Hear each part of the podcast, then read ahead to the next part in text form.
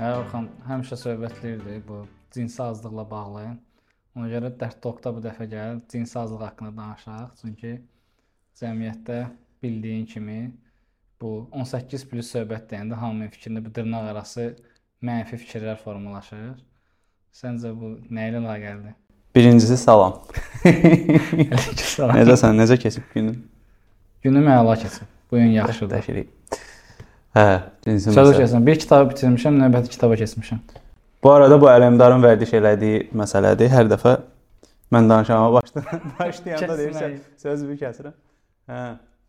Cinsi aclıq. Niyə cinsi olaraq acıq? Mənim bu mövzularda kəskin fikirlərim var. Bəzən bu sosial mediada tənqid olunur, bəzən sərt tənqid olunur, bəzən deyir niyə belə danışırsan, amma həqiqətən bunu müzakirə etməliyik. Çünki insan həyatının əsasını ə, əsaslarından birini cinsi məsələlər həll eləyir. İnsan cinsi olaraq doyumsuzdursa, o əməlli başlı problem yaşamağa başlayır. Yəni bu gün Azərbaycan cəmiyyətinin böyük hissəsi. Bəzən bu ifadəni də deyəndə deyirlər ki, niyə böyük hissəsini deyirsən, araşdırmısan və s. Ümumi müşahidələr nəticəsində ortaya çıxır ki, böyük əksəriyyət bu gündədir deyə məsələlər bu həddə gəlib çatıb. Məsələn, adi bir nümunəni deyim. Kişi və qadın münasibəti ilə bağlı bir video paylaşanda və yaxud nəsə deyəndə ən çox ə, orfoqrafiyanı pozan ə, Azərbaycanlılar və canlılar da yaşayan canlılar. Aşağıdan yazır ki, ə, məsəl üçün Johnny Sins'ə oxşayırsan, başım keçəl olduğuna görə. Porno aktyor. Porno aktyor artıq bəsən zarafat, lağlağı yeri olur. Bu insanın əslində nə qədər cinsi ac olduğunun göstəricisidir. Burada sual yarana bilər ki, bunun nə əlaqəsi var? Burada əsas məsələ adam nədən acıdırsa, onu daha çox ön plana çıxarır. Qabağa. Niyə bir alimə bənzətmir? Niyə başqa bir şeyə bənzətmir? Çünki adam alim adı tanımır, bilmir kimdir, nəçidir və səni həmin lağlağı yerinə qoyur. Tamam insan yumor eləyə bilər, amma bir də var bunu həyat tərzinə ə, çevirmək məsələsi. Və bu şəkildə proseslər davam eləyə-eləyə gedir. Bir dənə hadisəni danışıb sonra o irəliləyən dəqiqələrdə işin ə, psixoloji tərəfindən danışacağam. Deməli mən ə, 8-ci sinifə qədər elə bilirdim ki, biz evlənirik. Ə, Allah uşaq verir. Onda da Allah baba öyrətmişdilər bizə, elə deyirdik. Nəsə bir gün kompüterlərin o ü, 364 kilobayt ə, işləyən vaxtıdır. Dərsdən çıxmışam, getdim kompüter oynamağa. Gördüm məndən yaşca böyüklər nəyəsə baxırlar. Deməli bu seks videosudur. Mən bilmirəm axı. Görməmişəm. Nə bunlar adamlar nəyəsə baxırlar. Mən də belə baxdım, soruşdum nədir? Dedilər ki, seksdir. Nəsə bilirsən sakit durdum. Getdim evə, atam oturub mənəm. Ə, Birdən dedi ki, "Bala, günün necə keçib?" Dedim, "Ata, əla, məktəbdə yaxşı idi hər şey." Hardan gəlirsən? Dedim, kompüterdə idim. Deyir, "Nə oynayırdın?" Dedim, "Seks oynayırdım." Elədi. Ki, yəni nə? Dedim, "Seks oynayırdım." Şapalağı necə qoydusa qulağımın dibindən. Başım dəydi qaza. İndi oradan anam çıxıb, "Küçük sən deyir, bu nədir? Tərbiyəsiz, pozuldu elədi." Öldürdülər məni. Amma mən həp başa düşməmişəm nədir və s. İndi bu yarı zarafat, yarı gerçək, amma mən bu prosesin nə olduğunu məhəllədə tində dayanan avaralardan, o yaşlı olan yanıq adamlardan öyrənmişəm ki, bu filan şey belədir, filan şey belədir. Artıq prosesin akademik araşdırmasına isə universitetə qəbul olandan sonra baxdım və müxtəlif nəticələr çıxdı ortaya. Belə ümumi mənim fikirlərim. Hı. E, Sən necə düşünürsən? Niyə yanır insanlar?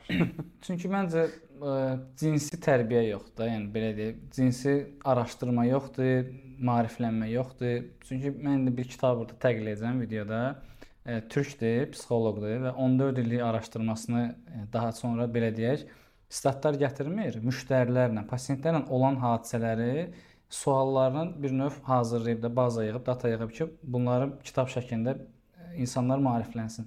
Və türk olduğuna görə Asiya tərəfdir və o qeyd edilir ki, e, bu əslində e, dünyada 40%-dir. Yəni 40% e, boşanmaların səbəbi gəlir düşür e, cinsi münasibətlər. Çünki insanlar bunu araşdırmırlar, görmür. Çünki deyir ki, cəmiyyətlər elə bilirlər ki, yəni uşaq böyüyürsə, bu deməkdir ki, o özü araşdıracaq. Yəni bu biləcək. Amma bu da belədir ki, insanlar araşdırmağı xoşlamırlar. Tək faiz, az faiz, 1-2% insanlar araşdırırlar, onlar həmişə dışlanır.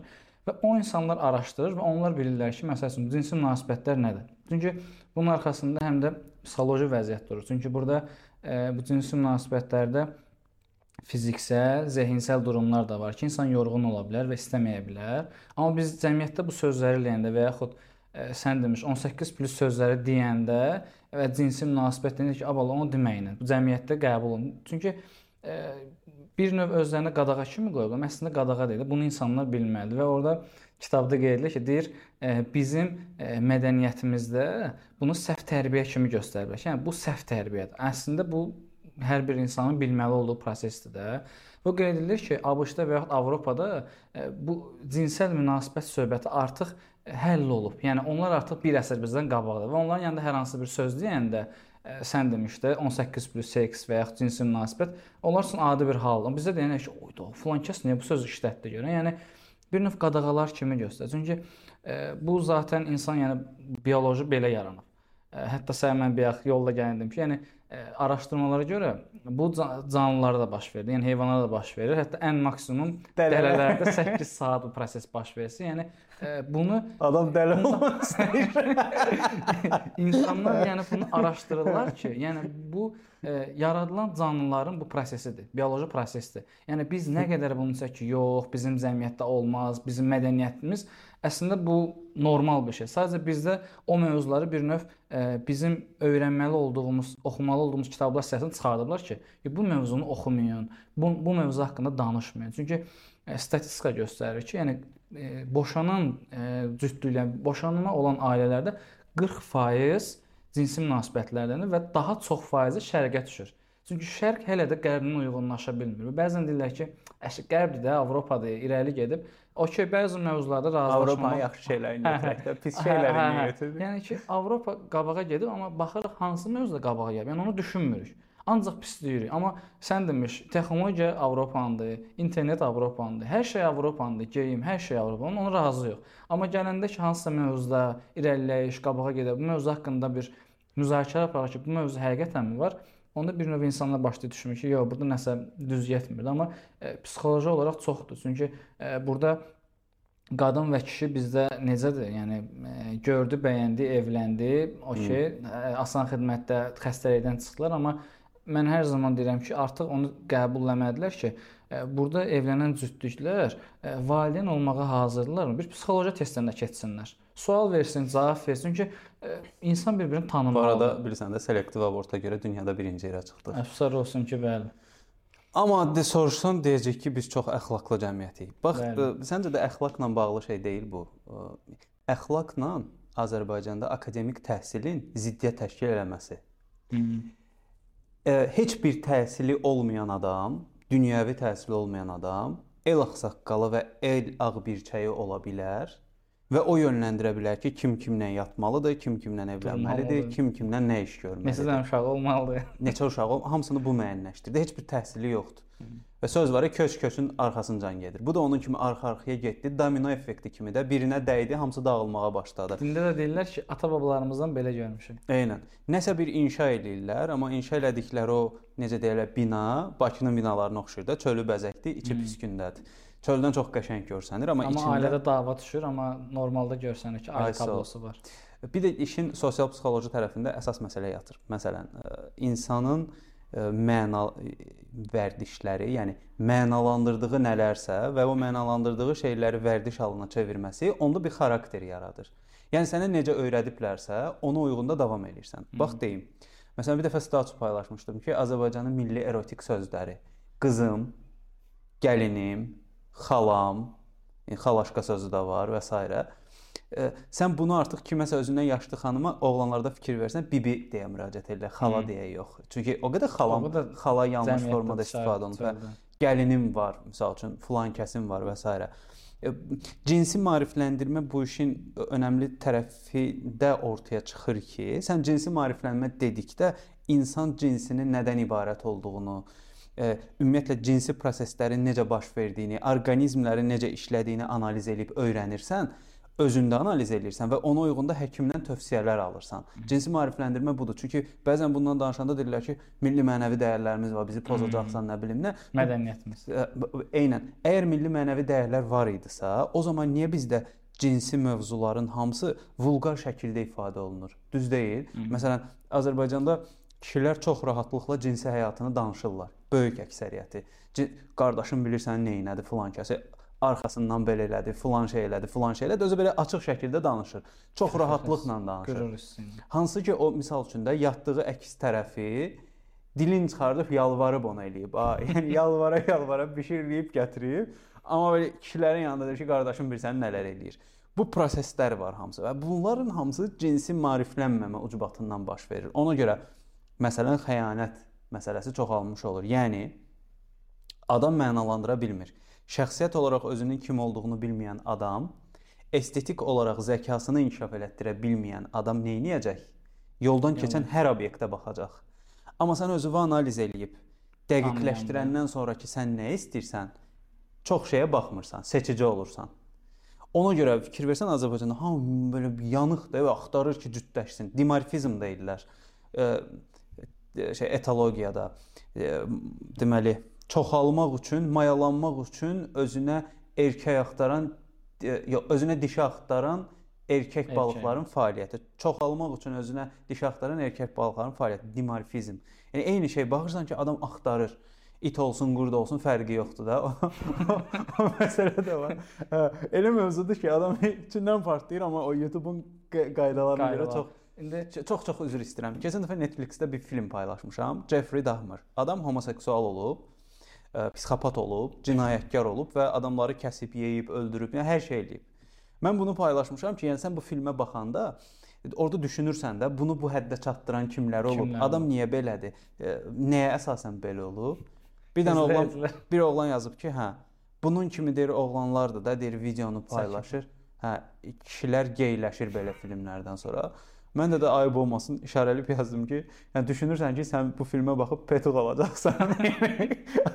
nə qədər adam belə like eləyir də. Həqiqətən adam fikirləşir ki, baxma o filmə, gey olaram birdən, toxunma mənə. Qəribədir. Mən bu indi bunu deyim, bu birisi başqa mövzu deyəcəm. Deməli, mən ona hər zaman nə fikir vermişəm? Bunu bakalavr vaxtından fikir vermişəm. yəni deyim ki, yox, məndə uşaqlığım yox. Bakalavr vaxtı fikir vermişəm. Bizdə cəmiyyətdə filmlərə baxanda insanlar oradan pis şeyləri götürür. Təsəvvür daha çox baxılan Qurtlar Vadisi idi. Hər zaman ki, niyə baxırsan? Adın uyğun gəlir. Ələmdar, Polad Ələmdar. Deyirəm, yox, bax orada fikir ver, dövlətin siyasətini göstərir ki, hal-hazırda Türkiyənin siyasətini orada göstərir də. Ona bax. Deyir, yox, Ələm Polada orada bir 10 dəfə vurublar, ölməyib. Deyirəm ki, kinonun məğzinə baxmırsan ki, bu kino sənə nə informasiyanı verir? Kimlər sənin düşmənindir? Türkiyənin düşməni kimdir? Dostu kimdir? Mesaj ötürür. Amma deyirəm ki, ora bax, Memati Poladı vurdu. Polad nə bilim ölmədi. Abdullayev bıçaq. Yəni insanlar lazım olan şey götürsün. Bizim teleseriallar var. Bax biz baxmırıq əfsuslar olsun. E, orada nə göstərirlər? Məsələn göstərir ki, 50-40 yaşında, 60 yaşında kişidir. Hə, ailəsindən boşanır, gedir başqa qadından evlənir. Oranın da məğzi başqadır. Əslində orada e, ssenari yazan rejissor bizə göstərmək istəyir ki, bu adam ailəsində xoşbəxt deyil və xoşbəxtliyi başqa yerə tapır. Ora fokuslanmır, deyir ki, hə o düz elədi. 40 yaşında getdi, boşandı, getdi başqasına evləndi. Ona fokuslanır. Ona görə filmlərdə biz analizləmək, orada müsbət götürmək yoxdur. Bayaq dediyim məsələ ilə bağlıyam ki, bizdə məsələn cəmiyyətdə hər zaman insanlar toplu danışırlar. Qadınlar belədir, kişilər belədir. Əslində mən danışanda artıq müəyyən insanlar demək istəyirəm ki, qadınların bizdə məsəl üçün cəmiyyət necədir? Bu da gəlir mentalitetə gəlir. Sizin mental dəyərlərimiz, ailə forması nədir?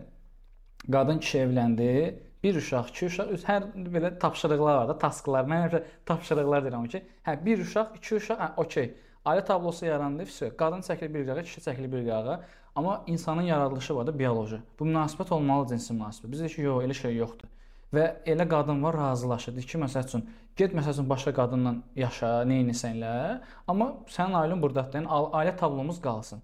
Və yaxud deyir ki, xəyanətli, deyir ki, hə, məsəl üçün, okey, Vəsə, mən getdim, öz işimə, sən getdin, gedək boşanaq. Bu iş bağlandı. Amma ə, e, bu kitabda deyir ki, ə, e, bu baş verən məsəl üçün şiddət döyülmələrdir, məsəl üçün cinayətlər, ölüm hadisələri. Yəni hamısını psixoloqlar araşdırır və görürlər ki, orada cinsi münasibət söhbəti var. Yəni qadın və kişi ya məcburi evlilik olub, türklərdə də vardı. Çünki bu yazan psixoloq türk olduğuna görə bizim mədəniyyətə uyğundur. Yəni şərq mədəniyyətidir və o da deyir ki, mən qorxuram cəmiyyətdə bu sözlərdən. Amma deyir kitabda mən bunları qeyd etməliyəm ki, artıq bəhsdir. Yəni insanlar biraz maariflənsinlər ki, yəni bu bizim içimizdədir. Bu var.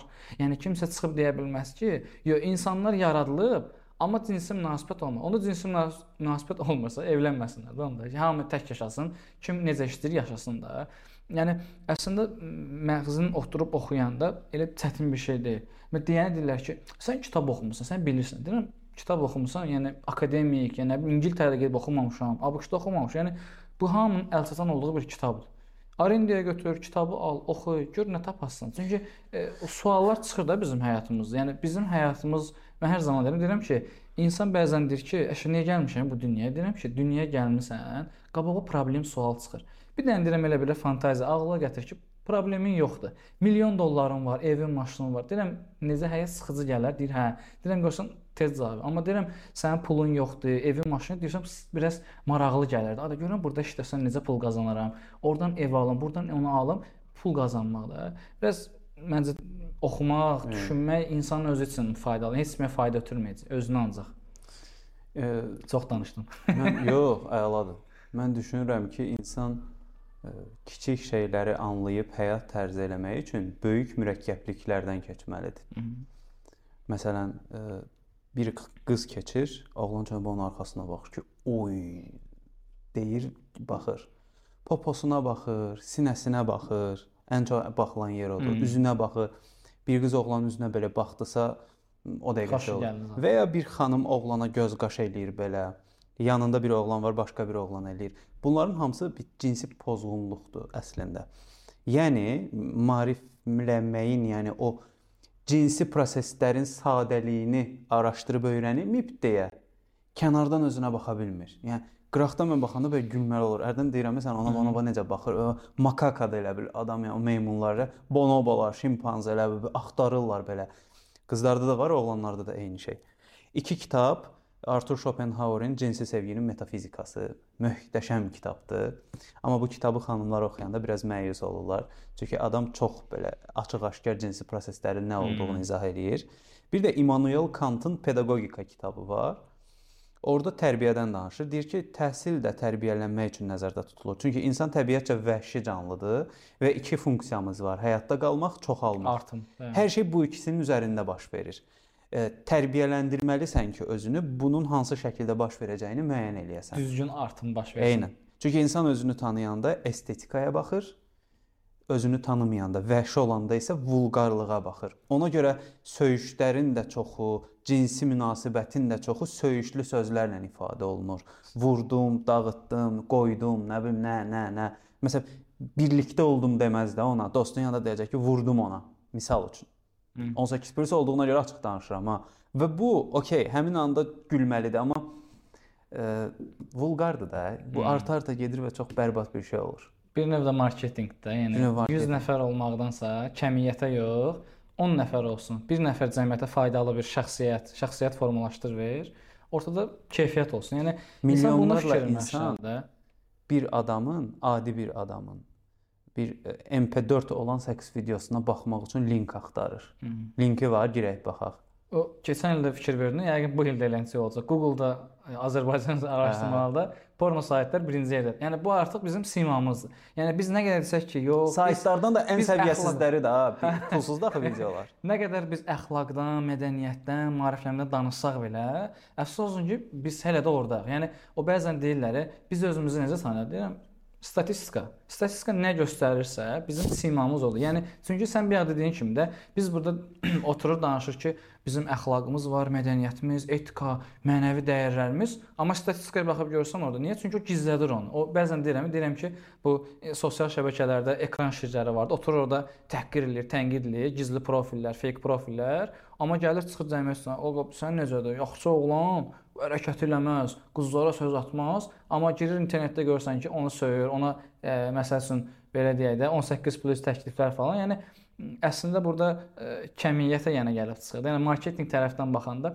biz sadəcə baxmalıyıq ki, bizim cəmiyyətə 5 nəfər şəxsiyyət verək və cəmiyyəti inkişaf etdirək. Əlbəttə, Azərbaycanın ən böyük problemi bilirsən nədir?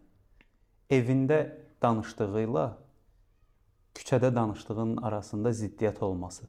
Hmm. Eyni deyir də. ki, əşə bu millət üçün dəyməzə xidmət eləmək. Hı -hı. Pul verir, saxlatdırır arxada. Çöldə çıxır deyir ki, Allah ordumuzu qorusun. Ə, evdə deyir ki, əşi toyuna getmişəm, canı çıxsın, gəlsin, Hı. toyuma pul atsın. Amma toyda öpüşüb görüşür ki, mən səni görmək istəyirəm. Səmimi deyilik. Yasda ə, deyir ki, əş, yeməyə gələcək onsuz da hamısı. Bilirəm də onsuz da. O, o da yeməyə gəlir, sən də onu bilirsən. Deyir cəhənnəm. Görəndə yalandan qucaqlayır, öpür. Müəllimə şirinlik verir, rüşvət verir, deyir ki, şirinlikdir də. sonra da deyir ki, rüşvət artıb ölkədə. göstərdiyi ilə düşündüyü, danışdığı şey fərqli-fərqlidir. Ona Əx- görə Əxlaqla üst-üstə düşmür də. öpürəm.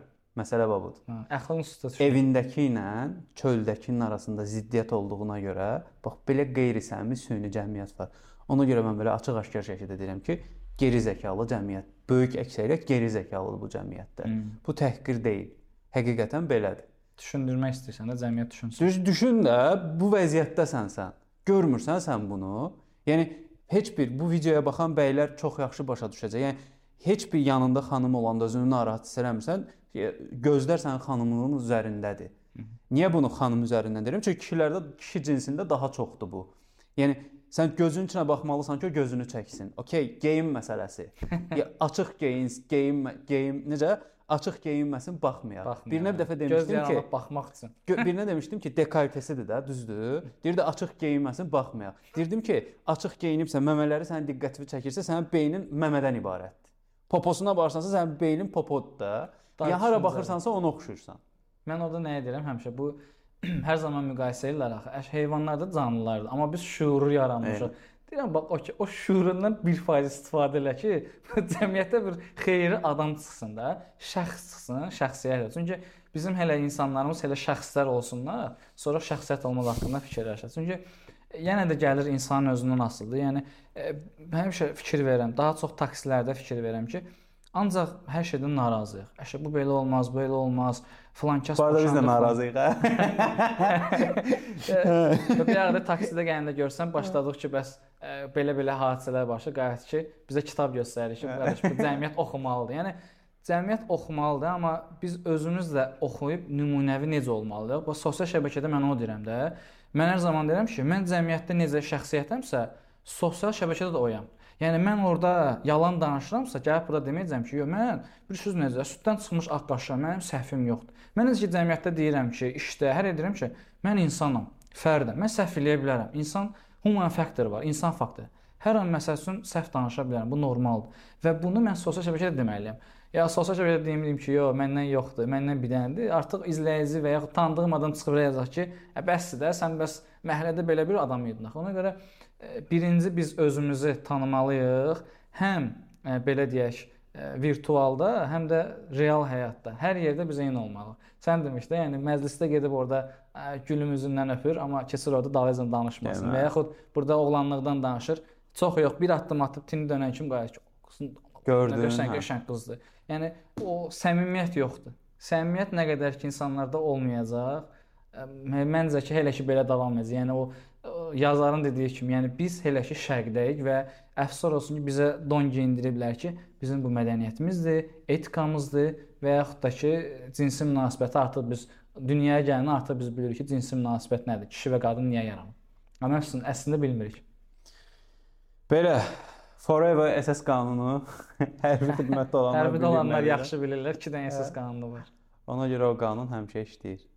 Belə Zoom studiyadaydıq biz. Həm də Zoom qalerida.